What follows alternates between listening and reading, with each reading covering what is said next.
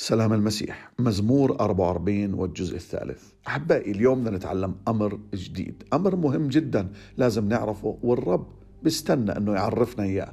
الرب بيستنى أنه إحنا عينينا تنفتح عشان نشوف هذا الشيء. هدول الأمور اللي الرب بده يعلمنا عنها اليوم هي أولا يده ثانيا ذراعه وثالثا نور وجهه.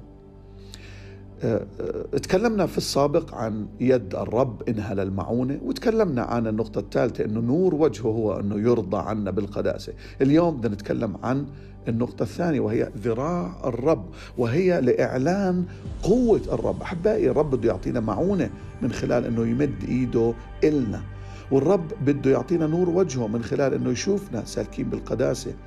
واليوم كمان بده يعلمنا أمر جديد بده يعلن قوة ذراعه بحياتنا. قوة إنه يحارب عنا يدافع عنا من خلال إعلان قوة ذراعه في حياتنا. بدنا نشوف أعداد سريعة عشان نشوف قوة ذراع الرب نتعلم عنها من كلمة الرب. بنشوف بأشعياء 51 وعدد تسعة. إلبسي قوة يا ذراع الرب. والنتيجة إيش كانت؟ مثل ما بنشوف بنشوف إنه قوة ذراع الرب هي لتطعن الوحش. ومرات أحبائي إحنا بحاجة إنه الرب يجي علينا بقوة ذراعه حتى يطعن الوحش اللي موجود في حياتنا. بنشوف بأشعياء 52 شمر الرب عن ذراعه عدد عشرة. ليش؟ عشان الأرض كلها تشوف نجاة وخلاص الرب. كمان بأشعياء 53 وعدد واحد لمن استعلنت ذراع الرب. ذراع الرب أحبائي استعلنت من خلال عمل يسوع المسيح على الصليب وهي كانت نبوة من أشعياء 53 عدد واحد نبوة عن عمل الصليب الصعب اللي كان بحاجة لقوة غير عادية من الرب إنه هو ينفذها. وهذا كله من أجلي ومن أجلك. أحبائي اليوم الرب بده يدعونا دعوة. اليوم الرب عم بدعوك لثلاث أشياء تعملها من أجل أنه هو يعلن له يد يعلن لك يده ذراعه ونور وجهه. اليوم الرب بدعوك أنك أولا تصدق كلمته. بنشوف هذا الحكي بعدد واحد. بعدد واحد كمان لثلاثة. بنشوف الدعوة إنه الرب بده إيانا نعرفه نعرف صفاته ونعرف إنه هو ثابت ولا يتغير. وثلاثة الرب بيطلب منا إنه نتكل عليه ونتكل عليه وحده بغض النظر عن مصادرنا عن القوة اللي عندنا. نتكل عليه بغض النظر عن الصعوبات وقديش الأمور صعبة موجودة في حياتنا وهذا موجود في عدد ستة. مرة ثانية الرب بدعونا اليوم دعوة. نصدقه نعرف مين هو وإنه هو ثابت ولا يتغير ونتكل عليه. النتيجة شو راح تكون؟ راح يعلن يده إلنا للمعونة رح يعلن ذراعه إلنا للقوة ورح يعلن نور وجهه إلنا لما برضى عنا بالقداسة. النتيجة رح تكون إنه الرب رح يستأصل الأمم الرب رح يحطم الشعوب.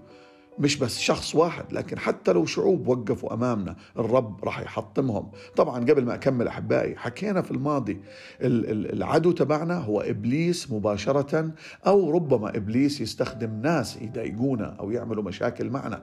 ولما بنهزم إحنا هدول الناس إحنا بنهزم عمل عدو النفوس من خلال هدول الناس. لكن إحنا بنصلي وبنتمنى إن هدول الناس يتغيروا ويسمعوا صوت الرب في حياتهم ويسلكوا زي ما هو بده مش مثل ما إبليس بده. على كل حال النتيجة بتكون لما إحنا نلبي الدعوة نصدق ونعرف الرب ونتكل عليه إنه الرب يستأصل الأمم يحطم الشعوب يخلصنا ينطح الأعداء يعني يصد الأعداء من أمامنا يدوس القائمين علينا يخلصنا من مضايقينا ويخزي مبغضينا يعني يخيب أملهم ويحبط الخطة اللي عم بدبروها من أجل أنه إحنا أمور حياتنا كلها تخرب. أحبائي بالنهاية في استعلان على وشك أنه يصير لقوة ذراع الرب في حياتك.